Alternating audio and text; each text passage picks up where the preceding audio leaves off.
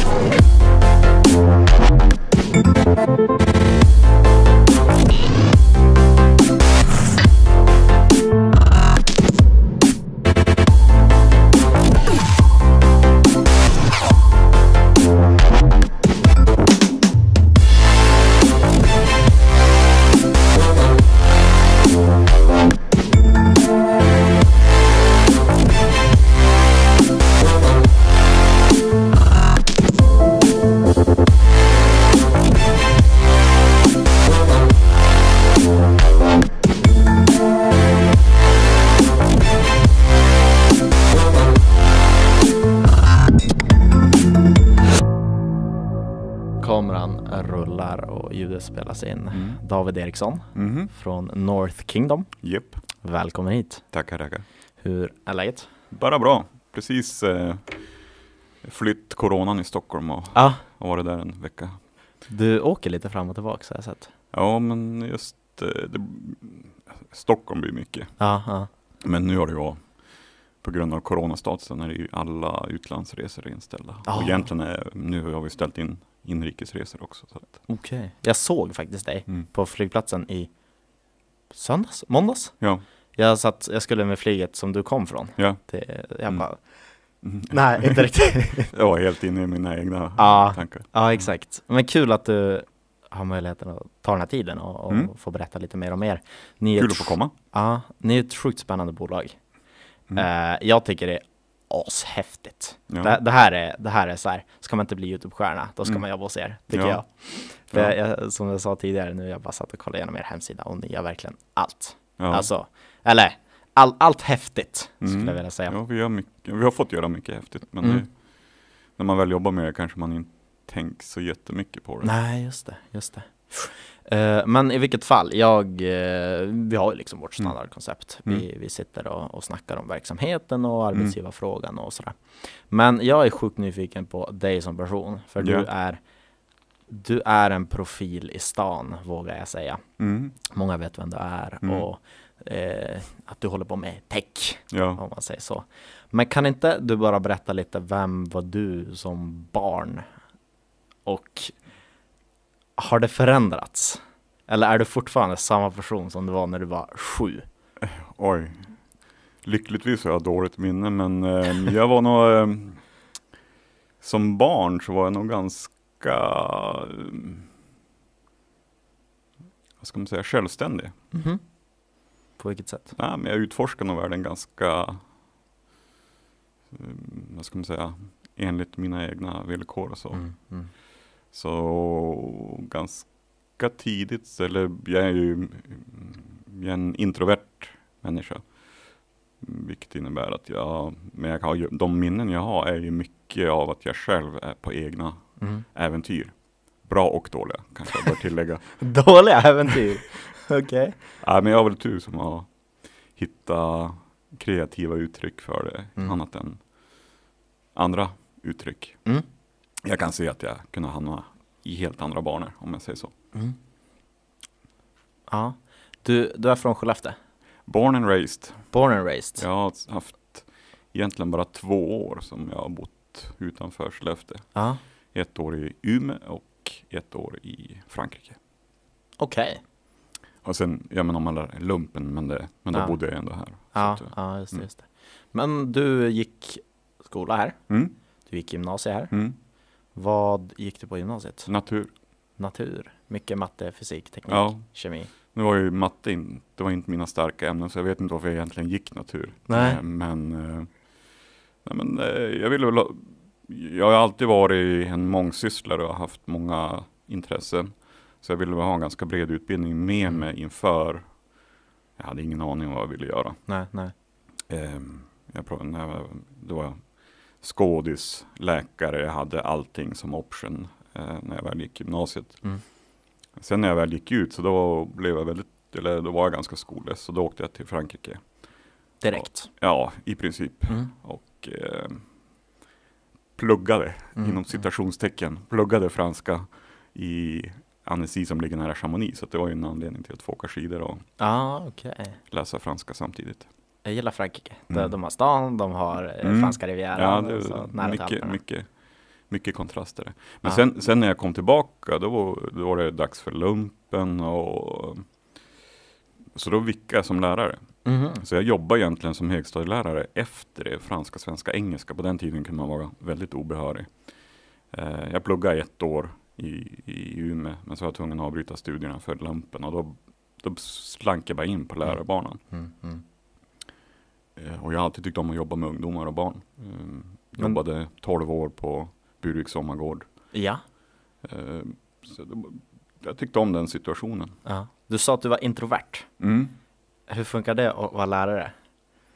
Eh, ja men introvert är väl, ja men det har väl ingen, jag tänker att det har väl mer om var man hämtar sin energi ifrån. Mm. Sen som drivkraft att jobba med att kommunikation. Det var lite så jag såg läraryrket. Just det. Eh, Att jobba i en situation, dels där man förtjänar och eh, unga människor förtroende, Mm, att de väljer att lyssna på en. Eh, och hur gör man det på ett bra sätt?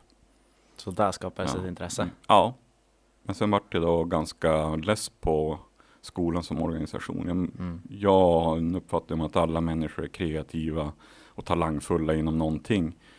Eh, Men då var, på 90-talet var det väldigt mycket katederundervisning. Men det Mm. också finns ju en ganska snäv syn inom skolan på vad, vad det är för kunskaper du bör ha med dig ut i, i livet. Eh, Kan jag tycka. Ja, verkligen. Så jag varit ganska less på skolan som organisation. Mm, mm.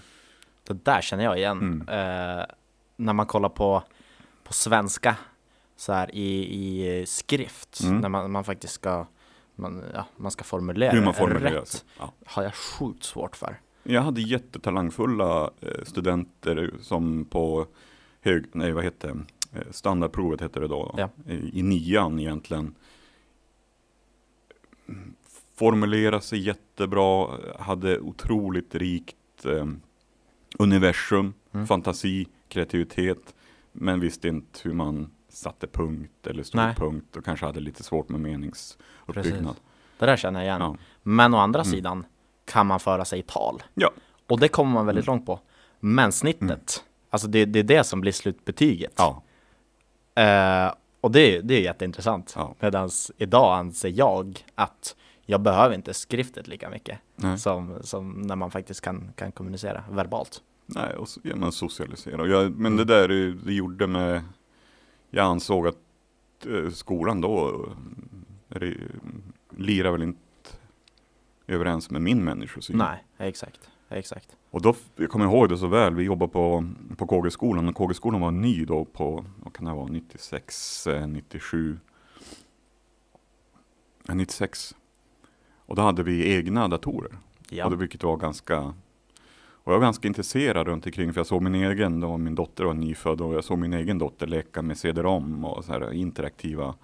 Då började jag vara intresserad runt omkring, men hur kan man skapa en lärsituation där man jobbar mer med den lärandes förutsättningar. Mm, Antingen mm. gillar man att läsa eller så gillar man att lyssna eller så är man mera taktil. Mm, mm. Eh, Och då blev jag intresserad av just interaktivt berättande. Och interaktivt. Kan ja, du förklara? Det, på den tiden var det CD-ROM lärspel, alltså den, den typen av. Och då hade jag precis dragit igång en utbildning på Skria Mhm. som hette multimediaproduktion. Ja. Ehm, så jag tänkte, jag har, förutom det här, jag har en bakgrund av fotograf också. Jag drev en fotofirma vid, vid sidan om, men den, det är en annan historia. Ja, vi kommer in på det snart. Eh, men eh, så jag tyckte att jag var lite kreativ och tänkte, ja, men jag vill nog lära mig mer om det här. Hur kan jag använda det digitala verktyget Mm, mm. för att nå ut, engagera och då framförallt i en lärande situation. Mm. Ehm, Så jag hoppade på den. Trodde jag skulle bli designer. Kom ut som programmerare. Okej. Eh, Lyckligtvis halvvägs in i utbildningen kommer jag ihåg fick man välja. Ska ni fokusera på CD-ROM Ja. eller internet? Jag valde internet då som Hur gammal var du då? Eh, det måste ju vara 20, 96, 97 började jag. Så att eh, 25 va? Ja, just det. 24. Det är en relativt standardålder för när Mm. man börjar liksom Mm. plugga och Mm. ta tag i livet. Ja, Jag säger inte att det var så precis för dig. Ja, Nej, men- så var det. Ja, ja men okej. Och inte, hur såg du på hela internet? Men det, det, var ju, men det var ju på den tiden man diskuterade om internet var en fluga eller, Eller inte, om hur? det skulle gå över och försvinna. Ja, Men sen fick jobb ganska direkt på Paregos som det då hette, på, som var mm, Sverigeledande inom utbildningar på CD-ROM. De hade också funderat på, internet, är det här någonting för oss? mm, mm. Ehm, Så de anställde några från den här utbildningen som vi hade som uppdrag att jobba med eh, webben, som Mm, det då, mm. Här i stan? här i stan. Okej. Mm. Satt i postenhuset, det gamla postenhuset. Hur gick det till? Var det du som hörde av dig till dem eller? Nej, de, nej, de var nog intresserade av att satsa på det där. Mm, mm. Och det blev ju ja, ett av Sveriges största webbföretag ett tag. Ja, just det. Just det. Men mitt första projekt det var Silvermuseet i Arjeplog. Silvermuseet. Ja, i Arjeplog. Okej. Um, en stor gul by- byggnad som ligger i Arjeplog där.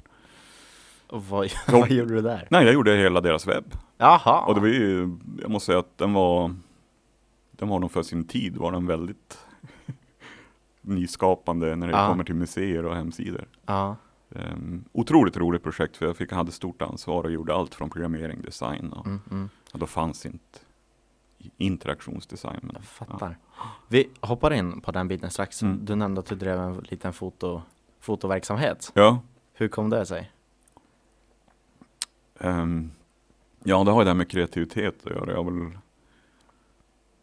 bild som uttryck. Jag vet egentligen inte när jag började jobba med men jag höll på med teater också som ung. Men, men bild som uttryck och jobba i l- fotolabb, alltså ha eget labb. På den Mm. tiden Mm. satt man i ett mörkrum. Hade jag som intresse. Och jag kom faktiskt inte ihåg, men jag jobbade ju både åt Norran och F- VF, då, Folkbladet som den hette, Mm. som fotograf. Eh, Skrev du också någonting? nej, Artiklar? jag skrev ingenting. På den tiden var det mycket mer separerat mellan fotograf och Just eh, själva journalisten, den som skrev. Var det en, eh, en kamera och så eh, går man in i så här red room? Ja, jajamän. Det var så? Ja, du, så ja, hänger men, man du, var, du, du, du framkallade allting och så dessutom så hade du en slags skanner som använde ljus. Du tog ju fram kopior som Mm. du skickade till tidningsredaktionerna. Jag var mest på VF till eh, tryckeriet i Umeå.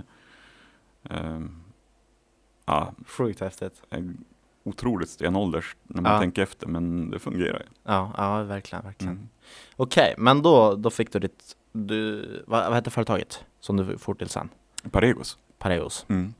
Vad, eh, hur många var de här i stan när du kom dit? När vi kom dit så var de nog bara kanske 15-20 stycken. Mm. Vi var några från min klass som började med internet.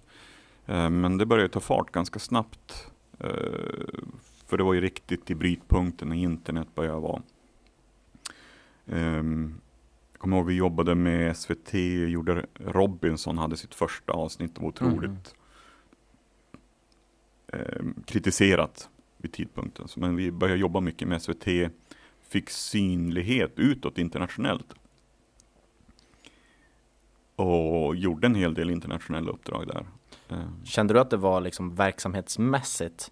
Eller jag tänker så här, man kan nästan vara ett litet personligt varumärke i en sån del. Alltså, fann man att du hade en viss talang sett utifrån eller var det som Nej, företaget? Jag, jag tänker att det var fortfarande mycket, eller jo, hade jag väl talang. Jag hade ju stort ansvar. Jag jobbade med, alltså, en viss typ av uppdrag. Jobbade med SEB, Skandia, If. Det var Mm. i princip nästan ensamt ansvarig för att ta fram Ja. deras intranät på den tiden, 99. Mm, mm. Så en viss talang hade jag ju säkert. Men, men det var ju mycket teamwork. Där Mm.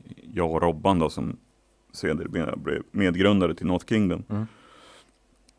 Ehm, vi jobbar bra ihop och jobbar internationellt och sånt där. Och fick utlopp för vår kreativitet. Tänker jag. Ja, nej, verkligen. Och, så, och då, det var bara kodning då förstår jag också. Nej, det var ju det som var grejen. Jag insåg ju efter ganska snabbt att jag var en usel programmerare. Okej. Eh, Det fanns andra som var bättre än mig på att göra det. Eh, Men jag var ju nyfiken på mediet. Då hade jag läst någon artikel om en ny typ av behov av kompetens som Mm. fanns. Och de kallar den för information designer. Okej. Och det var egentligen då hur man in- strukturerar information på ett sätt på webben. Mm, mm. Så jag gick till min chef och sa, alltså du, jag är otroligt dålig på att koda. Eh, Det här med att göra struktur och designa information Mm, mm. på ett sätt så att den är lätt att nå. Och eh, lätt- UX. Ja, det som är idag heter UX, Just då heter det informationsdesign. Eh, vi borde ha någon informationsdesigner. Han, ja, men visst. och det var då jag började jobba mycket med Skandia och SEB och Just det. de här stora gigantiska strukturerna Mm. av information på intranät. Men jag insåg efter, ja, kanske var ett, ett och ett halvt år att det var sjukt tråkigt att sitta och rit- rita eh, boxar och dra pilar mellan boxarna. Och, Okej. ehm, och jag ville jobba mer kreativt för jag, jag ändå jag tilltalas av att jobba med, med, större problem och sånt där. Så då gick jag till min chef och sa att "Äh, men, men du, det här med informationsdesign, det är inte någonting för mig. Alltså, och då hade jag läst också om att eh, ehm, det var viktigt med kreativ ledning i team. Så att, ja, men vi har, vi, då sa jag det till chefen, alltså vi har ingen creative director, kan inte jag få vara det? Mm. Då var vi ändå 50-60 pers. Så, att, så då fick jag bli det. Bra chef. Ger dig. Ja, Göran Eriksson, Ja, cred, förtroende. ska ha Cred. cred. Eh, han var en bra chef då. Um, så han är på Lappvattnet snickerier nu. Jaha, Ja. det var en vändning. Ja. Ja, han var snickare från början. Han gick i min klass på Skria. Ja, just det. Just det. Okej. Mm. Ehm, jag vill flika in här innan jag glömmer bort Mm. den här frågan. Om du i dagsläget hade varit i den här åldern, 20-25, Mm. hade du blivit YouTube-stjärna då? Ehm, ja, kanske. Jag, jag vet ja, men det är lite så här vad man... Eh, Jag vet inte om... Kanske lite... Jag gillar ändå, alltså jag, någonstans gillar jag när det är djup i det också, när det är Mm. någon slags vetenskap bakom. Ehm, sen har jag också alltid då, på tal om sju år, eh, jag har alltid varit teaterapa. Ja. Eh, kanske, nu verkligt. äldre ålder, kanske i mer privata sammanhang. Men eh, som ung var jag definitivt det. ja, nej, det hade inte varit omöjligt. Mm. Kul att se. Det kanske inte är för sent. Nej, men vadå? Vi får se. Eh, nu är man ju på en podd i alla fall. Så Ja, eller hur, eller hur. Men precis, eh, så vad, vad tog du för, för steg därifrån? Du, du fick en viss erfarenhet att Ja. jobba som kreativ eh, chef. Mm, mm. Och sen kom ju då på tal om krascher och sånt där, kom ju IT-kraschen då. Ja. Eh, med allt det den innebar. 2003, 2004. Ja, 2002 eller var det Ja. tidigare? 2002, 2003. Eh, vilket innebar, ja, men tidigare hade gått spikrakt uppåt. Eh, otroligt roligt att jobba i Stockholm, det var partyn i princip varje dag. Eh, the sky was the limit och så Mhm. sen gick luften ur. Mm. Um, Framfab köpte Parego så vi hamnade ju helt plötsligt så var inte kreativiteten det viktiga längre. Det var mer vad man fakturerar per timme. Just det.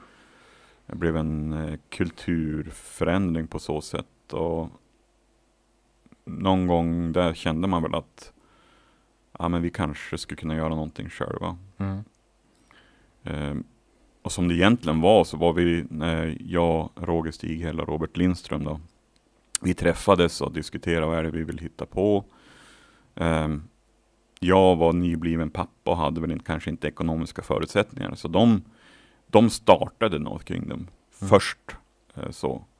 Eh, Medan jag valde att vara kvar Mm. på Paregos. Men i slutändan så tillbringade jag all min tid på North Kingdom så de fakturerade eller Paregos fakturerade North Kingdom för Mm. min, min tid. Så 2005 kom jag in som VD Just det. och då bestämde vi oss satsa egentligen att då hade North Kingdom börjat ta fart. Mm. Hur var det i början där då?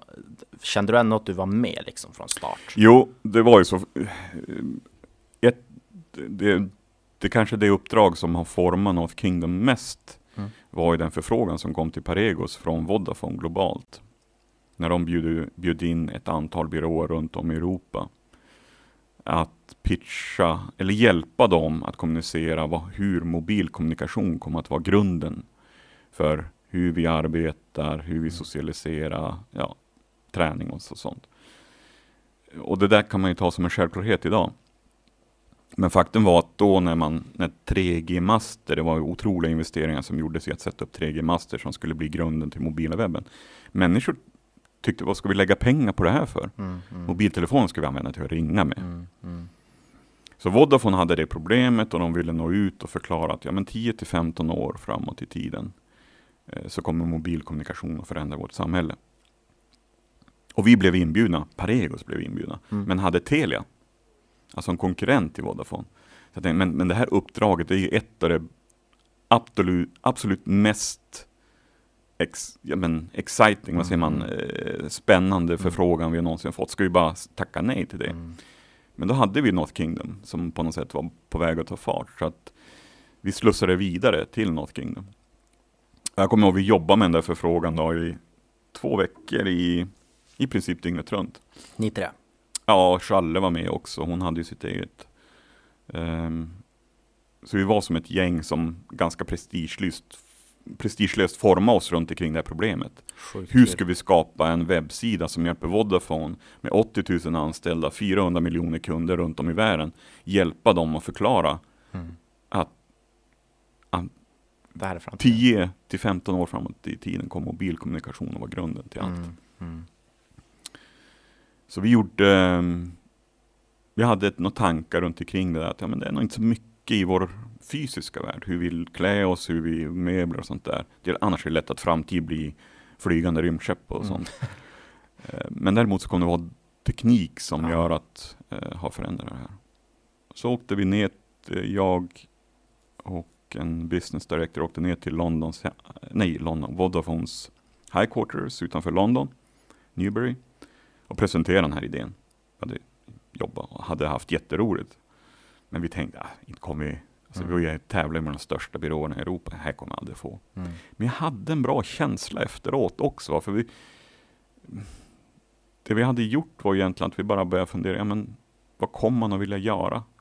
Jo, men man kommer att kunna vilja göra läxan på en dator som inte har något tangentbord där man kan röra på skärmen. Mm. Man kommer att vilja kunna eh, prata med sina arbetskamrater över video. Man kommer kunna vilja se vart ens vänner är när man går ut på krogen. Mm. Mm. Allt sånt här, det, det fanns ju inte. Det var bara science fiction. Så att ni och spånade eller vi satt och, pratade nej, med vi, andra? nej, vi satt och spånade i det skedet. Men sen involverade vi forskare för att få det mera på, Mm. eh, få det mera belagt när vi väl fick uppdraget, för vi landade uppdraget. Så vi hade med oss forskare från KTH som satt på det här och funderade runt omkring det. Men det var väldigt mycket det man idag skulle kalla co-creation process. Mm. Mm. Det som då var väldigt prestigelöst, låt oss fundera runt omkring framtiden. Hur skulle vi vilja att det var? Och alla idéer som vi tog fram, jag tror vi hade här, runt 20 idéer. Mm. Alla saker som vi trodde var de mest vildaste fantasierna hände ju eh, på mindre än 15 år. Ja, just det. Alltså snarare halva tiden. Mm. Mm. Vi hade, vi hade ehm, en platt dator med en skärm. Den hade inget tangentbord, den var platt och så sen var den trådlöst uppkopplad någonstans där den um, hämtade ner filer Mm. till den här platta. Molnet fanns inte då. Nej. Vi hade en scen där, en hälsoscen där, var en, eh, där man hade en slags device på handen som kände av vad man hade för puls. Så kunde coacha en när man var på, i tränings Mm. Mm. eh, på gymmet. Ehm, det, var, det var så sjukt att se alla de här grejerna hända Nej, och, på, också så- och så otroligt mycket snabbare än vad vi men ens i vår vildaste fantasi kunde tro. När ni var hända. i det skedet, för här sitter jag nu också, Mm. eh, ofta som man kommer på saker som, men så här, det, det här borde ju finnas. Mm. Och så har man ändå kompetensen att kunna Mm. genomföra också. Mm. Men samtidigt vill man ju inte bli för bred. Mm. Kände ni så här att det här kan vi göra, det här vore sjukt ballt om det fanns, men vi kan inte göra det för att vi får inte bli för breda liksom. Jag tror inte vi tänkte så då. Idag hade man nog tänkt på produkten. Mm. Då tänkte vi kommunikativt. Och egentligen, vi var ju satt att göra en webbsida som Mm. skulle kommunicera Vodafones framtidsvision.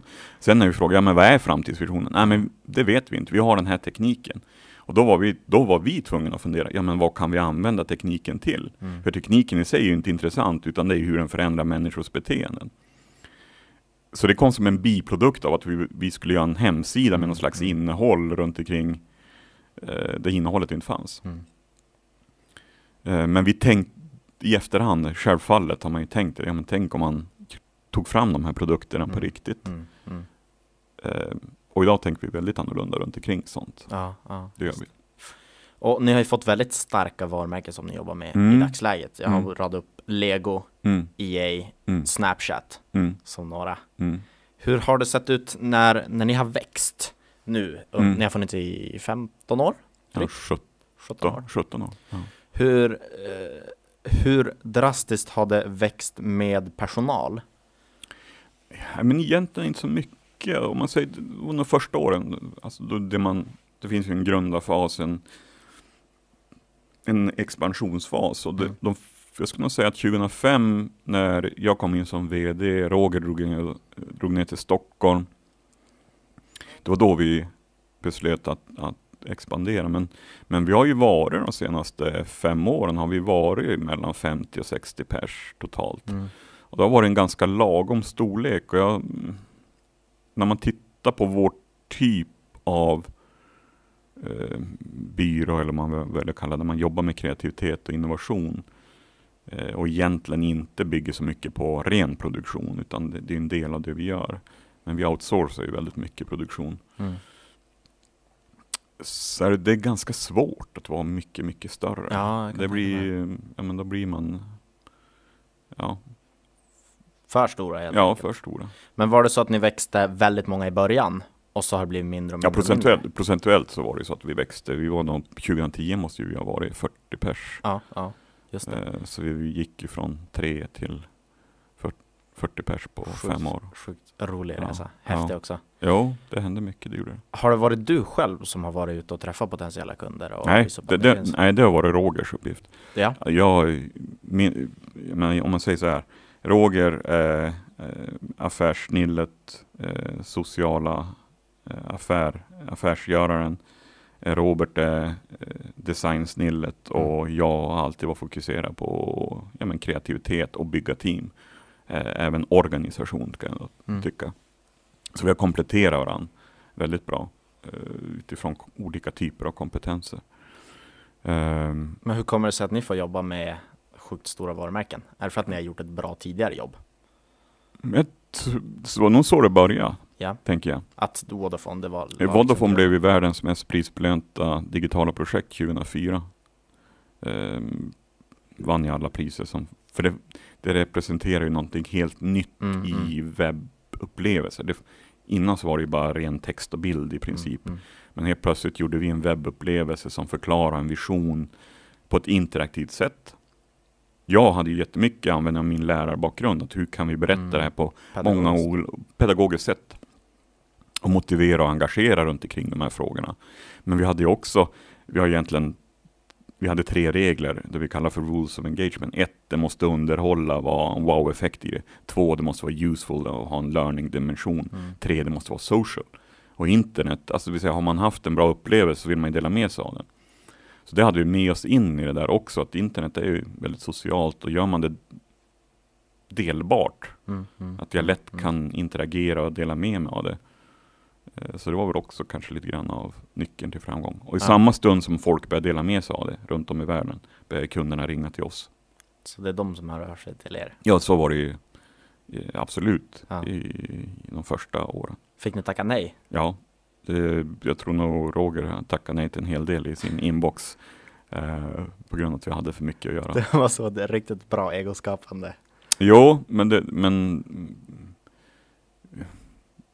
det tänkte man kanske inte på då, utan då Nej, tänkte man vi jobbar fullt upp, vi måste leverera Ah, till Vodafone och sådana där saker. Mm, mm, just det. Men vad, eh, hur, hur ser det ut i dagsläget då? För Mm. jag tänker att som det har sett ut från 2003 till 2006 till exempel, Mm. så måste det ha sett ut varenda år för er. Alltså, det kommer nya spännande Mm. projekt. Ja, Vissa är sjukt roliga att jobba med, vissa...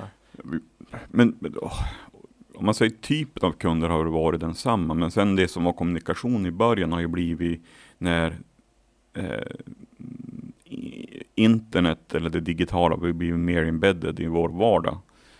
Så har det blivit mer och mer viktigare och då är det inte längre bara kommunikation utan Mm. även produkt och tjänst. Men vår värld har ju varit, den har ju varit ständig förändring och inte en linjär förändring. Det är en exponentiell förändring i och med att teknologin Mm, utvecklas exponentiellt. Så det har ju varit svårt att hänga med. Men vi har ju, på något sätt har vi lyckats göra det genom att alltid vara nyfikna på what's next? Mm, mm. Hur kom den här tekniken att förändra människors beteende? Och hur kommer deras förändrade beteende att påverka våra kunders Mm. möjlighet att engagera om dem eller att de köper deras produkter?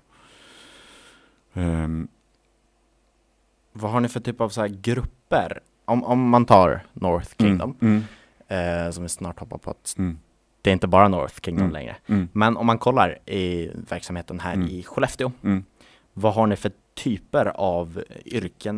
Men det har, varit, det har varit detsamma egentligen från, från början. Det har varit ehm, eh, utvecklare, programmerare, Mm. eh, designers, interaktionsdesign, UX, projektledare och typ eh, sälj, Ja, strategi. Och alla jobbar väldigt tätt med varandra Ja, mig. det är väldigt mycket teambaserat och det, det är inte som en konsultroll Nej. så, utan vi är otroligt beroende av teamet. Mm, mm. Det, ja, men vi har alltid haft, nu spelar jag, Roger och Robban fotboll tillsammans, men vi har alltid haft teamet som någon slags metafor. Mm. Där vi som individer bidrar med vår individuella, eh, vi kallar det artistry. Eh, men man jobbar som ett team mot ett mål. Mm, mm. Eh, men vi är otroligt beroende av att varje person, när de väl har bollen, faktiskt Leverera. eh, levererar. Ja, kan du berätta om ett sjukt roligt projekt? Ditt favoritprojekt, förutom Vodafone? Mm. Jag säga, det finns många, men man har ju sådana här dröm men som man har haft med sig som barnsben och det, är ändå, det, var ändå när vi jobbade med Google och Warner Brothers inför lanseringen av de två sista Hobbit-filmerna. Ja, just det. För här, det var inte bara en kampanjsida för en film, utan där handlar det om att ja, men, de tre Lord of the Rings-filmerna hade gjorts, så här kom Hobbit-filmerna, hur knyter vi samman det här? Hur skapar vi en upplevelse för användarna där de någonstans dyker in i, jag höll på att säga Tolkien-universumet, men det var ju Peter Jacksons tolkning av en, eh, Tolkien-universumet. Och hur vi bygger hela Middle-earth Mm. eh, i princip som Google Maps, vilket gör att man kan utforska Middle-earth, dyka ner på platser, upptäcka karaktärer, eh, besöka Rivendell Mm. eh, och vara inne och vara Var en del av det. var en del av det universumet. Och det var ju före egentligen VR började vara poppis, men det var det yttersta man kunde göra då för Mm. att kunna få vara del i det universumet. Hur jobbade ni med det projektet? Hur många var inblandade? Oj, det var ett gigantiskt projekt. Jag tänkte som helhet måste ha varit runt 40 pers. Från er? Nej, alltså hos oss kanske vi var 10-15 Ja. inblandade. Men sen när vi tar på stora projekt så tar vi in Såklart. underleverantörer eh, som, som, eller partners som Mm. vi jobbar med. Sen var ju Google inblandade och Warner Brothers. Ehm, men bara att få åka till ehm, Warner Brothers och sitta Mm. där inlåst i ett rum med Hobbit-manuset och få läsa de kommande coolt. filmerna. Ja. Eh, det var faktiskt eh, riktigt, riktigt häftigt. Och då, för jag kanske då, det jag inte sa att jag, sen jag var åtta år har jag varit stort Tolkien. Jag läste alla böcker om Ja. och om igen sen jag var, riktigt ung. Grymt. Så det var, en, det var en höjdpunkt för mig rent personligt. Ja, ja. Ehm, sen finns det många projekt som har utvecklat oss där vi har varit ny, ny, använt ny teknik på ett banbrytande sätt. Mm, mm. Ehm, Snapchat AR. ja, Snapchat AR, även Build with Chrome där vi jobbar med Lego och ehm, där vi ja, i princip använder WebGL Mm. som en ny teknik då, att det möjliggör att människor kan bygga digitalt med Lego. Ja. Så det behövs ingen lego. Nej, men det var, det li, var lite så, men, men eh, för de var ganska sena att hoppa på den här bollen med det digitala. Ja, ja. Minecraft tog i det utrymmet. ja precis. precis. Men hur brukar det se ut då när man sitter och jobbar i ett projekt? Ta Mm. Hobbit till exempel. Mm. Vad, eh, alla från er sida är Mm. involverade? Alla Ja, vi, yrkesgrupper? vi, för- vi försöker. Sen är det ju olika huvudansvar. I början är det ju väldigt mycket när en affär landar, eller innan en affär landar så är det ju ändå någon slags, ofta att man pitchar en idé till kund. Ja men så här skulle vi vilja angripa det, så här tror vi att det skulle kunna fungera. Mm. Ehm, och där är ju ofta jag ansvarig som kreativt ansvarig att forma den idén, den visionen. Och där, jag kommer ihåg just det, runt omkring The Hobbit var det att de här örnarna som finns med i, i Gwaihir, Mm. eh, som är kungen av örnarna, hur, hur de flyger och ser ut upp över Middle-earth, att använda det som ett perspektiv för att utforska världen. Eh, och sen att ja, men, forma en tanke om hur det ska kunna se och fungera. Sen stämmer jag av det med teamet, de som är design leads, de som är tech leads och UX. Och, För att se att det är möjligt? jag ser att det är liksom. möjligt och få Ja. lite feedback från dem.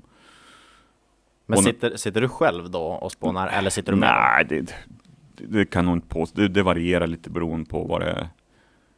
Jag skulle nog säga idag är det väldigt mycket co-creation Ja. på det sättet.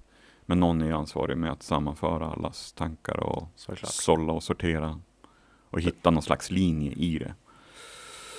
Ehm, och det är det som creative direction egentligen handlar om. Mm, mm. Mm, lyssna på vad är allas idéer? Vad har vi för talang runt bordet? Hur hittar vi en linje som är bra, det kunden vill ha, men också egentligen dra nytta av teamets alla styrkor. Mm, mm. Ehm, Och så då, då säger du att ja, men nu Mm. under fyra veckor då ska vi jobba med det här projektet. ja, man gör ju oftast en presentation för kund och så, då- ja men wow, ni fick det. Mm. Då kör vi igång och så är det ofta ja, men förutsättningar och sånt. Och då jobbar vi egentligen det vi kallar för fyra faser. Discovery, vilket handlar mer om att utforska problemet. Ja, men hur, hur, vad, vad handlar det här egentligen om? Mm. Ehm, eh, nästa steg är definition. Då är det lite mer, ja men hur skulle det här kunna se ut och fungera?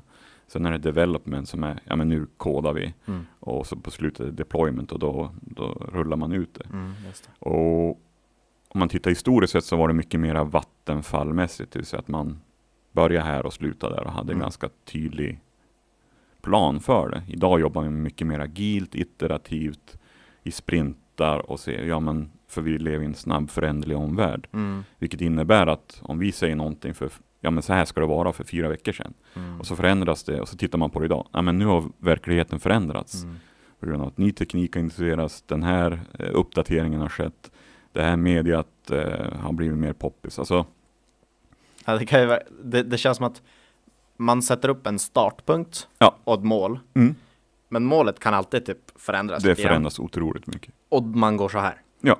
Så att det, det blir liksom Det är eh, otroligt, eh, man måste vara agil och Ja, eh, lättrörlig i det där. just sitt det. sätt att tänka. Vilket, så här, om man, om man kollar på, på era kunder. Mm. Vad är det för problem de brukar ha? Är det Mm. att de vill bli nytänkande? Eller att... Nej, det är, nog, det är nog mer vi som, som agerar i, i, det, i den rymden. Jag, jag tänker att våra kunder, det vi egentligen det vi pratar med våra kunder om, det är ju hur engagerar ni era målgrupper idag? Och hur kommer ni att vilja engagera dem i framtiden? Just det. För det är ju någonting, i en föränderlig omvärld måste man fundera, men vad är, hur kom, vad, är, hur, vad är slutkonsumentens beteende imorgon? Mm. Idag är det det här. Idag når jag och idag engagerar jag. Idag eh, kommunicerar jag. Mm. Eller idag är jag till nytta för min konsument. Om man då pratar produkt och tjänst. Mm. I det här. Men imorgon. Kan se helt annars ut. Jag, jag brukar alltid dra, om idag, om din produkt är en app, Mm. när vi tar steget ifrån skärm, om hela din tjänst eller produkt bygger på att folk ska interagera med en skärm Mm. och vi rör oss ifrån skärmen och vårt mänskliga beteende innebär att vi inte är så skärmberoende. Hur förändras din? Hur förändras din affär utifrån det? Mm, mm. Och det är, i mina ögon är, ja, men det är två, tre år bort. Va? Naturligtvis ja. kommer ju det här kommer att finnas kvar, det är som med radio och bio. Men är nya lika- tekniker kommer att komma in och det kommer att förändra människors beteende. Mm. Och på samma sätt som att App Store hade noll kronor i omsättning 2007, tio år senare har det 800 miljarder eh, i omsättning. Mm. Så imorgon kan det komma ny teknik som har exakt samma resa, som blir en plattform för nya, nytt beteende, ny, ny konsumtion, som har ett otroligt stort värde. Och vill man vara med och utforska det, Mm. då anlitar man North Kingdom. Snyggt. Det, det är eh, väldigt, om man kollar på hur marknadsföring har Mm. förändrats väldigt Mm. mycket.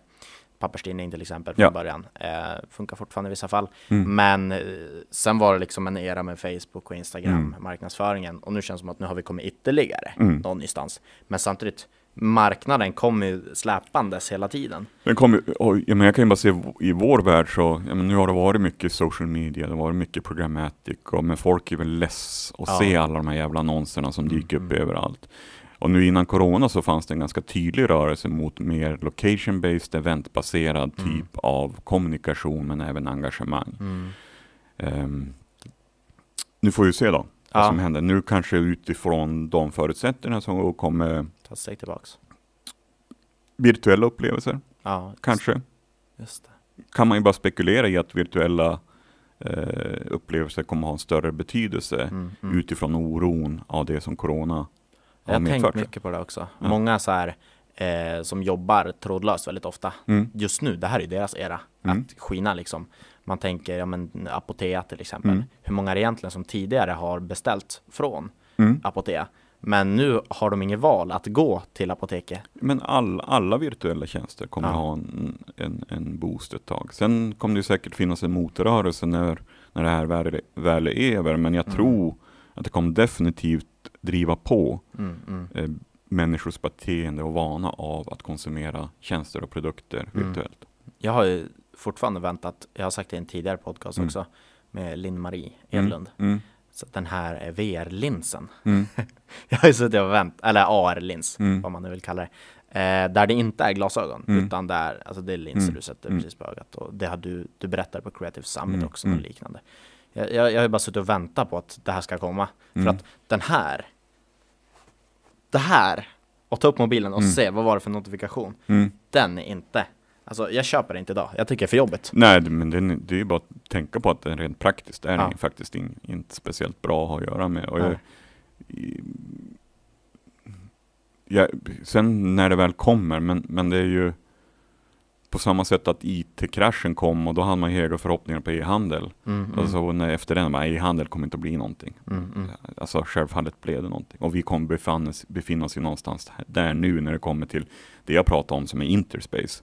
När internet become, becomes interspace. Det, Mm. att, eh, vi kommer ha möjlighet att visualisera, gestalta virtuella föremål i vår verklighet när vi vill, hur Mm, vi vill mm, mm. och interagera med dem. Eh, sen vad konsumentdevicen är, om det är en lins eller vad det nu är, eller om det är direkt eh, kopplat till hjärnan, I don't know. Mm. Men jag kommer inte vilja, vilja släppa på en mobiltelefon eh, och Nej. Genom tror, hela mitt liv nej. På det sättet. Sjukt häftigt. Hur tror du att Skellefteåföretagen till exempel, Mm. hur kan de nyttja de idéer som ni jobbar med lite mer? Jag tror att i och med att vi har blivit mer och mer globaliserade och, jag, jag tänker att den nya generationen av Skellefteåföretag är mycket mer internationella från första början. Vi Mm. var ju det första företaget kanske som var så här born global om man nu får använda ett uttjatat startup-uttryck. Ehm, men jag tror att många idag har med sig det in i det, att när man tittar på ja, men den marknad man ser sig själv verksam inom, så är det, jämför man sig inte bara med Skellefteå-företag. Ehm, och information färdas ju så mycket, otroligt mycket snabbare idag ehm, Mm, mm, än vad den gjorde för 15 år sedan. Säg. mm. Men om vi ser på industriföretagen här i Mm. stan. Hur kan ni jobba med dem? Eller vad ser du för, det kanske inte ska vara er de ska jobba med, men vad ser du för möjligheter för dem? Jag tänker att oavsett om det är industriföretag eller vad det nu än är för typ av företag så är det ganska lätt att bli hemmablind och menar, man fastnar i sin egen utvecklingskurva. Eh, och utanför perspektivet på sin affär är otroligt viktigt. Mm. Eh, sen ska man inte alltid lyssna på utanför, per, pers, utanför perspektivet fullt ut. Men att kunna spegla sig själv och sina, sin business i andras ögon eh, är otroligt viktigt. Mm. Ehm, sen om det är North Kingdoms eh, perspektiv Mm. eller om det är ja, jag vet inte, men Mm. Hello Future, Precis. eh, alltså deras det, Det- jag tror bara det är viktigt att någonstans, Ja. Ehm, för det är så lätt att bli hemmablind. Har ni gjort något sådant projekt med ett traditionellt bolag? Eller är ni alltid bara Ehm, modernt? nej, jag kan nog inte på, eller inte, inte något lokalt. Nej, nej. Det, alltså vi har ju mycket sådana uppdrag till men Discovery eller Mm. um, är väl senast som vi har jobbat med. Så det Men även Google sitter vi nu med en av deras videotjänster som heter Duo, som är faktiskt världens mest installerade videotjänst. Mm. Så sitter vi och funderar runt omkring, ja men de har en jättestor intern Mm. eh, utvecklingsavdelning. Men hur kan vi hjälpa dem att fundera hur den tjänsten ska engagera eh, människor i framtiden? Mm, mm, mm. Mm. Som inte handlar om what's the next feature, utan mera visionärt, Mm. beteendemässigt. Då måste jag passa på att fråga, hur, hur håller du dig uppdaterad på allt sånt här? Ja, jag har fått den frågan förr. Jag vet inte om jag håller mig... Ja, jag, jag försöker vara så bred och läsa så mycket som möjligt om ganska breda typer av perspektiv. Mm. Eh, naturligtvis har man ju sina kanaler, eh, sina flows, det som kommer i flödet dagligen. Men jag tänker att i det här så är faktiskt dock bereda tid för reflektioner kanske det absolut viktigaste. Mm, mm. Eh, att man ändå läser och det finns otroligt mycket visdom historiskt sett. Mm, mm, mm. Ehm, nu, jag vet, nu bestämde jag, beställde jag Marcus Aure- Aurelius bok. Mhm. Eh, vad heter den på svenska? Heter den Bekännelse? Nej, ja. Men det är ju också så här, man, en romersk kejsare, eh, stoiker, som är menar, allting han säger är ju sjukt vettigt. Och det är applicerbart idag. Men alltså man måste bara sätta det i sammanhanget av Ja, människors beteende och hur tekniken har förändrat. Men värdet i det är, är fortfarande, sen om man håller med eller inte, det är en annan sak. Ja. Men jag tycker att det är otroligt spännande. Du som kreativ chef, Mm. och som du sa tidigare också, du träffar många personer med idéer. Mm. Du måste ju ha, vara riktigt duktig på mönsterigenkänning. Mm. Kan det kopplas tillbaks till även hur du håller dig liksom alltid uppdaterad? För att idag får man extremt mycket flöden Mm. överallt. Kan det vara så att du någonstans i det undermedvetna ser? Ja liksom- men, ja, men det, är en, det, det har man ju tränat upp också. Mm. Man är ganska, på gott och ont så ser man ju ganska snabbt, ja men det där kan vi jobba med, det, där Mm, kan, det mm. där är känns, eh, när man väl jobbar med det. Så det är naturligtvis intränat när man jobbar med det under ganska lång tid att känna igen en bra idé, Mm. eh, veta vad är egentligen förutsättningarna för att få det här, ah, att en idé blir verklighet. Mm. Eh, Och det är lite det vi har tagit in i startup-världen också, att någonstans den erfarenheten vi har haft av att kunna bedöma idéer, Mm. vad har vi för team att jobba med, förutsättningar. Det här allt ska ju lira ihop. Menar, du kan inte bygga en Ferrari om du har budget och team för en Skoda. Nej, exakt. exakt. Ehm, men Skodan kan man ändå utifrån de förutsättningarna göra i sin Mm. Mm. klass ganska revolutionerande och innovativ. Ehm, så det är, nog, det är nog intränat tänker jag. Ja, Nej, men det, Men, det låter vettigt. Sen har jag nog alltid haft förmågan att kunna se det man, ehm, det man inom kreativitet pratar för eh, low threshold Ehm, för um, egentligen, vad, ja, vad kallar man det? Ja, men när man sammanför olika områden. Mm.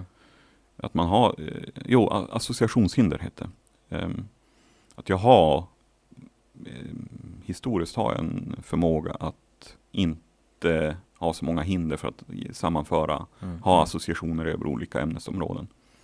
Vilket att man kanske då upplevs ibland som en idéspruta, att det bara kom Mm, saker och mm, ting. Mm. Mm. Ehm, för att man tänker Fattar. lite. Kan man säga att ehm, det du jobbar med är väldigt Mm. kreativt? Mm. Det måste, är det en del av er kultur som ni har på North Ja, Kingdom? verkligen. Det är mm, kreativitet och innovation, vad man nu väljer att kalla det där. Men, Ja. mm, men, men vår kultur måste man vara nyfiken på. Mm. Hur kan jag göra det här lite annorlunda nästa gång? Mm, mm. Eh, hur kan jag göra det bättre? Ehm, vad kan jag göra med det här? Ehm, vad kan det här ha för nytta? För Skapa människor? värde. Ja, världen. Hela Så, världen. ja. Precis. Och då kommer vi in på liksom Mm. medarbetarfrågan. Och vi spann iväg ganska långt åt höger nu. Eh, Om vi kollar på, eh, på North Kingdom som Ja. företag. Som numera ägs av The North Alliance Mm. som i sin tur ägs av Capman. Nej, Capman har sålt, så det är Nordväst och det är norskt, eh, Okej. det är norskt eh, kapital i grunden. Eh, precis. Mm. Eh, hur har det förändrats när ni har blivit en del av North Alliance? Nej men det är väl som allting annat, de, eh, när pengar kom in i bilden som har avkastningskrav, det blir mer fokus på det ekonomiska. Eh, Men vi vet ju att, ja men blir vi en vanlig konsultbyrå så då kommer inte vara North Kingdom. Så därför har ju varit mycket vårt jobb från det att vi sålde för två år sedan. Vi kanske då bör tilläggas, vi är då delägare i North Alliance. Mm. Eh, så har ju mycket av vår, vi i ledningen har mycket av arbetet handlat om att ja, men hur skapar vi en, en tryggt ställe där människors kreativitet inom olika områden fortfarande får ges uttryck. Mm.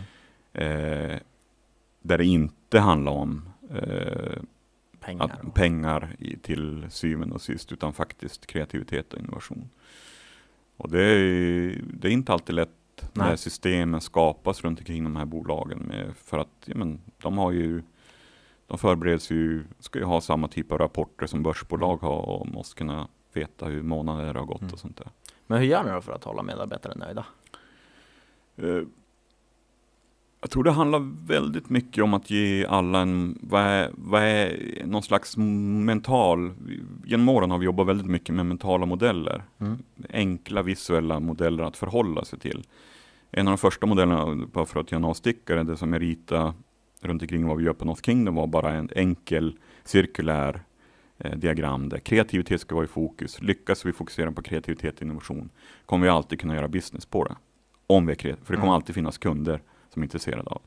Och eh, de kommer alltid vara beredda att betala mer för det än vad de betalar för en ren produktion. Mm. Och gör de det kommer det ge oss frihet att kunna fokusera på att vara nyfikna på vad är ne- what's next. Mm, mm. Så det var en ganska enkel modell och den har hängt kvar. Men också när det då kom till medarbetare, det här också, men- hur kan vi ve- vara en plats dit man kommer och känna att North Kingdom är en plattform för min individuella utveckling. Att det går hand i hand med min egen. Och då jobbar vi med en japansk modell som heter Ikigai, som Mm. ganska enkelt bara förklarar att ja, men, eh, du har en expertis eh, som du vill du är bra på men som du vill bli bättre och förbättra inom.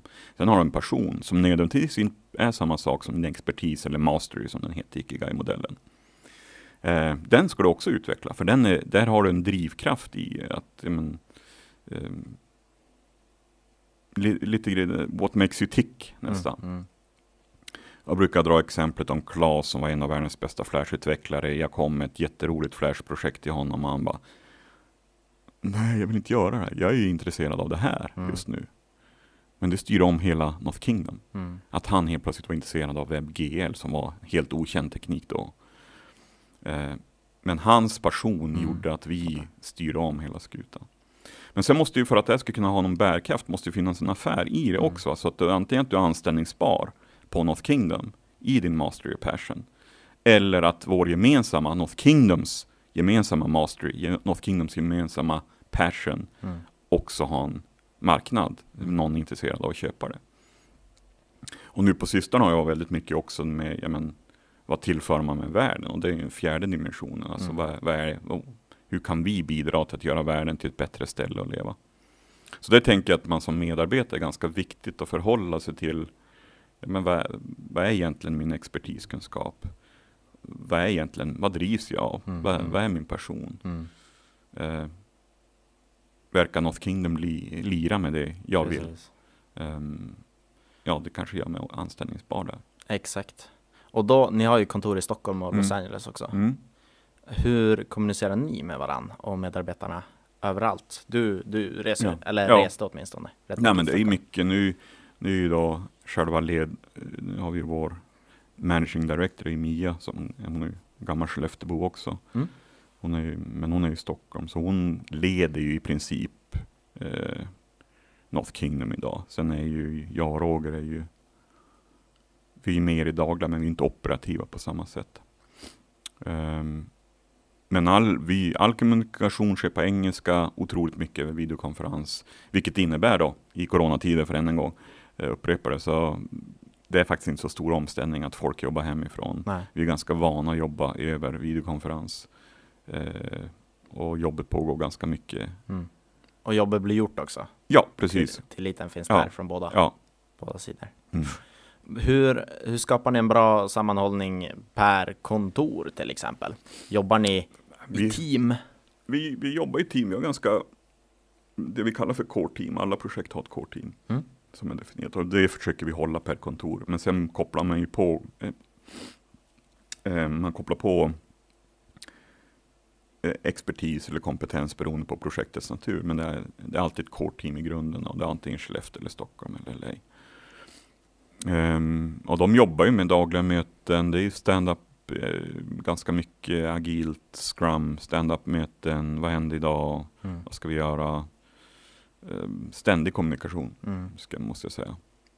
Vilket är otroligt viktigt i en föränderlig Mm. Och att ni också ger möjlighet till alla medarbetare, även om man kan vara lite mer introvert, man kanske inte alltid vill prata. Men Ja, att ni nej. skapar liksom, Ja, Det det, högt i det, det är tak. ett bord man sitter runt omkring. Det finns ju, ja, jag skulle nog säga att vi har nog inga hierarkier nej, hos nej, oss. Så, eh, finns, jag, jag sa att jag är kreativ chef, men jag tror, sällan jag tar chefsuttrycket i min Mm. mun. Mm. Kreativ ledare är nog bättre. Eller nu lyssnar du på mig. Ja, precis. Ja, det, det händer inte så ofta. Nej, Jag skulle nog be mig dra eller hur? göra det. Vid en ny rekrytering då? Mm. Det måste vara sjukt viktigt att man passar in i gruppen också. Mm. Hur, så att ni, ni, det kommer någon som vill börja Mm. jobba hos er. Det fattar jag väl att Mm. alla borde vilja jobba hos er. Tänker Mm. jag Ja, det tycker jag hade varit roligt. Kommer in på det strax. Ja. Men hur eh, brukar du sitta med på intervjuer? Och, Ja, viss, vissa intervjuer och nyckelpersoner, men sen är det ju andra i, som har det kanske mera direkta operativa ansvaret idag. Men jag sitter jättegärna med och pratar. Ehm, för det är det där just det med hur man passar in i teamet brukar jag säga att det, det är som vilket hockeylag som helst. Va? Det är, vissa passar man jättebra i och andra inte. mm. Och det har ingenting att göra med men kunskap har ju de flesta redan. De har någon Mm. slags erfarenhet och den är ju lätt att bedöma. Det är svårare att bedöma hur man passar in i teamet, hur man utvecklas på North Kingdom. Och vi gör felrekryteringar där också, men det, har man en ganska öppen dialog runt omkring det. Att vår, vårt mål är att du ska komma till North Kingdom och känna att du utvecklas. Gör du inte det, då kanske vi bör hitta något annat ställe där Mm. du gör det bättre. Mm. Mm. Så det är inget annorlunda än... Men hur märker du då, för om du håller en intervju, Mm. sitter precis på det här sättet, Mm. relativt avslappnat, Mm. snackar. Hur märker du av om den här personen kan passa i teamet eller inte? Ja, men det är ju, vi har, det är ju också en sån här kultur, så det blir en magkänsla, men ska man sätta någon slags eh, uttryck på det så är det ju alla på North Kingdom är mer eller mindre norrlänningar. Även, om man är, och även om man är från Japan eller USA så är det ju väldigt jordnära. Ja. Eh, snacka inte för mycket utan leverera, alltid överleverera. Eh, humble, vad säger man? Eh, ödmjuk, Mm. ärlig. Mm. Honest. Mm. Alltså det, vi pratar mycket på engelska så det blir tyvärr Ja. många sådana uttryck. Det har ju vi med oss i det och sen att man har en drivkraft, att man är nyfiken, sen må det vara vad, vad det än är. Men det säger mycket om människor också, vad, att- vad, vad är det de gör med sin tid Mm, mm. som inte är rent professionell. Vad, vad använder jag min, ja, den där gråzonen mellan jobb och Fritid. och fritid? För den är, det är någonstans där vi försöker vara. Harry sa det också, Ja, nu i tech, ja. att han, han använde uttrycket Are you a nerd? Mm, Then you'll fit with us. mm, Och det är bara, ja, någonstans, Mm. någonstans är det också att det, man ska ha en väldig passion för det. Klas som nu, det var han som ställde om från Flash till WebGL. Mm. Ja, han sitter fortfarande efter 23 år i branschen. Ehm, 22, ja. Så sitter han så fort han har en stund över och tittar på Mm. nya saker. Mm. Varför att det ligger i hans natur. Mm. Och många av vi, för vi är ju ändå en kärna som har varit med sedan 98 eh, på Paregos-tiden som gick in i North Kingdom. Det är så otroligt häftigt. Jag har en medarbetare, Micke, som här i Skellefteå som är design lead. Hans, nu, han har varit i branschen i 22 år. Han sitter nu och tillbringar hela hösten med att lära sig nya saker. Mm. Han sitter på kvällar och nätter. Mm. Och det säger ju någonting om drivkraften i människor, att de gör det där. Alltså det finns som naturligt i deras Mm. DNA att nej men jag är inte nöjd Nej. bara genom att göra det jag alltid har gjort. Jag vill utvecklas. Eh, och mm, ja, då passar man ofta bra in i något Precis. Och det finns också två delar på en Mm. person.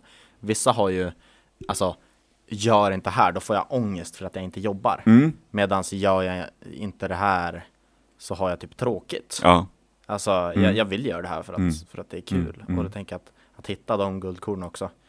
ja, men det, det, det finns ju det som är allt. Jo, självfallet. Och jag tänker att i det där, det, det, det, det, det finns nackdelar med det också. Att Mm. det, många har ju jobbat tidvis eh, för mycket. Mm, mm, mm. För man blir för uppslukad av det. Eh, man vill göra bra saker och Ja. Perfektionister. perfektionister och sånt där. Så det, Hur hjälper ni till där då? Rent flexibilitet? ja, vi, vi, vi har ju, jag tycker att vi har blivit bättre på det och blivit uppmärksamma. Det handlar mer om att vara uppmärksamma på individer. Ofta är det inte jobbet i sig bara som gör att man eh, går in i väggen eller något sånt där. Men, Mm. men eh, jag skulle nog säga att alla oss som har varit med sedan slutet på 90-talet har varit mer eller mindre Mm. eh, och vet när vi känner igen tecknen, vet att vi ska prata om det Mm. och vi har någon beredskap om att ganska snabbt lyfta ut folk när de känner att de kan Mm. göra det. Mm. Eller känner att de går, är på väg. Mm. Så det handlar ytterst också om eh, medvetenhet om det, tänker jag. Mm. IT-kompetens. Mm. En enorm brist på det Mm. över hela Sverige. Och Mm. Det kommer bara bli mer Mm. och mer och mer. Man kan läsa alla undersökningar. Mm. Det finns inget som motsäger det. Mm. Hur känner ni av det? För ni har ju dels IT-kompetens, men sen vill ni ha väldigt unika personer också. Mm. Jag tänker så att, precis som jag har sagt Mm. flera gånger, det är Mm. ascoolt att Mm. jobba hos er. Eller det måste vara det. Men samtidigt är det inte bara, alltså det är en brist. Mm. Ja. Det går inte bara, Jag tror att vi, men vi har ju problemet att vi, det, dels att det söker för lite folk här i Skellefteå. Jag vet inte om eh, människor är lite rädda att, Mm. att söka till North Kingdom för att vi har den high profile kunder som vi har. Men det är viktigt att komma ihåg att alla vi, eh, i- alltså jag satt och var en dålig kodare i Mm. början. Eh, alla vi är born and raised Skelleftebor och någonstans har man vuxit in i rollen och tar det, man tänker på att vilka är och så är det för alla unga som kommer med hos oss. Ehm, och när det kom just till Det har ju funnits en brist på utbildningar ehm, här i Skellefteå. Ehm, jag hoppas att det sker, men om man tänker att tekniken utvecklas exponentiellt så måste till mer och mer utbildningar. mm, Det gäller att förstå sig runt omkring det här. Men det gäller också att förstå att eh, tekniken eh, ska formas av människan, mm, inte precis. tvärtom. Att människan ska formas av tekniken. I, i, eh, det är så lätt att man någonstans sätter sig i händerna på den, på att jag jobbar i ett system och Mm. jag är bara ansvarig för min lilla bit. Jag tycker att vi som människor har som ansvar att fundera runt omkring vad ska vi faktiskt använda teknik till? Mm, mm. Eh, på, på, på vilket sätt bidrar den till att göra vårt liv och andras liv bättre? Mm, mm. Eh, inte bara tjäna pengar på det. Hur visar ni upp North Kingdom som arbetsplats då? Vi är väl med på de flesta, eller några stora, mm, som i Umeå och i Stockholm. Um, försöker vara delaktiga. Nu är vi delaktiga och varit med i de här nya utbildningarna som kommer på Skria. Mm. Utformning eller ansökan till den. Känner du att det går att göra mer? det, det är alltid en avvägning där. Alltså det är ju, det är en, man måste jobba också. Ja. Så att, och alltså, som alla andra har man en ganska slimmad organisation. Eh, Men vi, det, är- man måste på något sätt kunna vara delaktig redan på och vara mottaglig för att högstadiet får komma på studiebesök. Mm, mm. Eh, ta emot praktikanter från gymnasiet. Vi tar inte emot praktikanter från högstadiet. Ehm, jobba med exjobb på universitet. Ehm, Och bara finnas där. finnas där helt enkelt. Det, eh, det var egentligen där hela Mm. mitt projekt började. Mm. Alltså under gymnasietiden. Ja, Mer företag måste Mm. fara. Så jag, jag skulle önska att du vid tillfälle eller någon Mm. av er far ut till en gymnasieklass och Mm. bara berättar. För jag vet att det gör så enormt stor skillnad. jag vet, jag vet också att det, och det eh, nu har vi haft ett stipendium som vi delar ut varje år, Mm. men vi har aldrig fått möjlighet att komma och presentera. Ehm, på estetiska har vi delat ut det. Just det. Ehm, Men det är också en sån viktig bit på att synas och finnas med i det sammanhanget. Och vad är det för typ av egenskaper som vi uppmuntrar att man ska ha? Mm. Ehm, och kunna premiera det. Det handlar inte om att de är bättre än någon annan, men just i vår kultur är det som passar bra in. Mm. Mm. Så det stipendiet var viktigt, men jag tänker att det, ja, vi skulle nog kunna vara bättre på det, tänker Mm. jag. Så här, vi tar och avrundar det här. Mm. Men innan dess har jag en fråga till dig. Vad tycker du är bäst med Skellefteå? Eh, eh, otroligt mycket. Jag har ju fått förmånen att se Skellefteå speglas i så många människor, internationella människors ögon. Mm. Och det är en stor förmån att se en, en av Europas ledande eh, kreatörer sparka omkring på en spark utanför postens parkering i två timmar i minus 20 grader kyla i januari. Att se människor komma hit under Creative Summit under mina-solen från The Valley, Mm. Mm. San Francisco-området. Och var helt breathtaking. Jag tänker att vi har en unik blandning av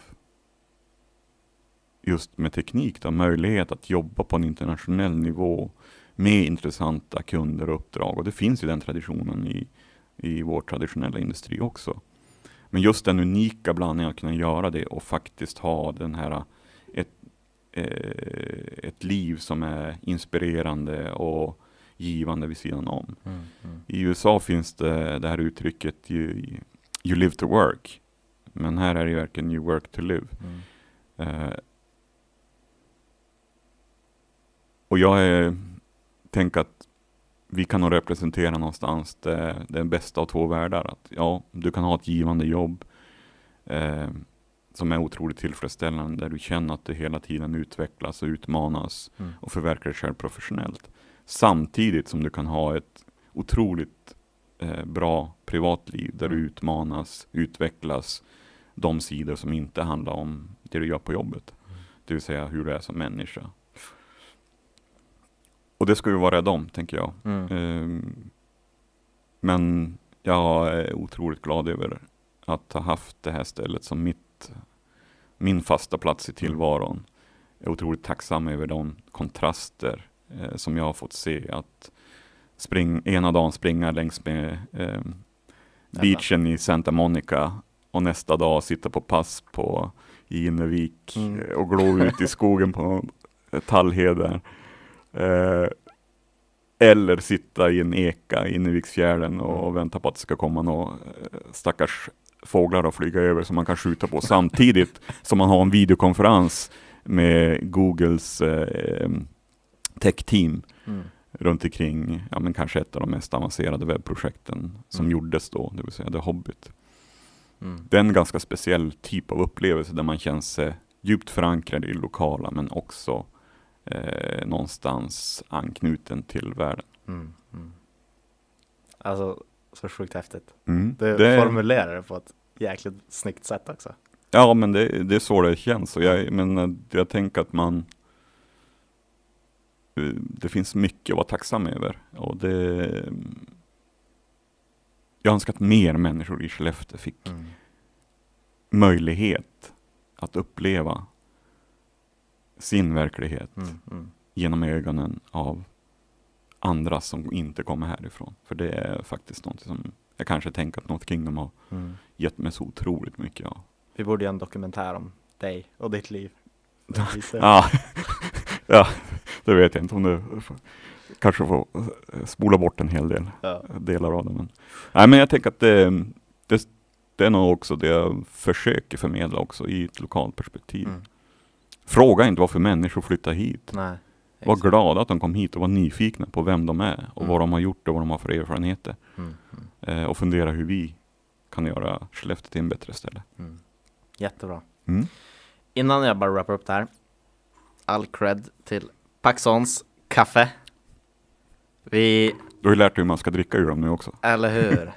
David visade mig att så här, så här ska man dricka. Ur ett projekt med Coca-Cola. Ja. Ja men eh, perfekt. Mm. Ehm, stort, stort tack för att du tog dig Mm. tiden. Så, Tack för att jag fick komma.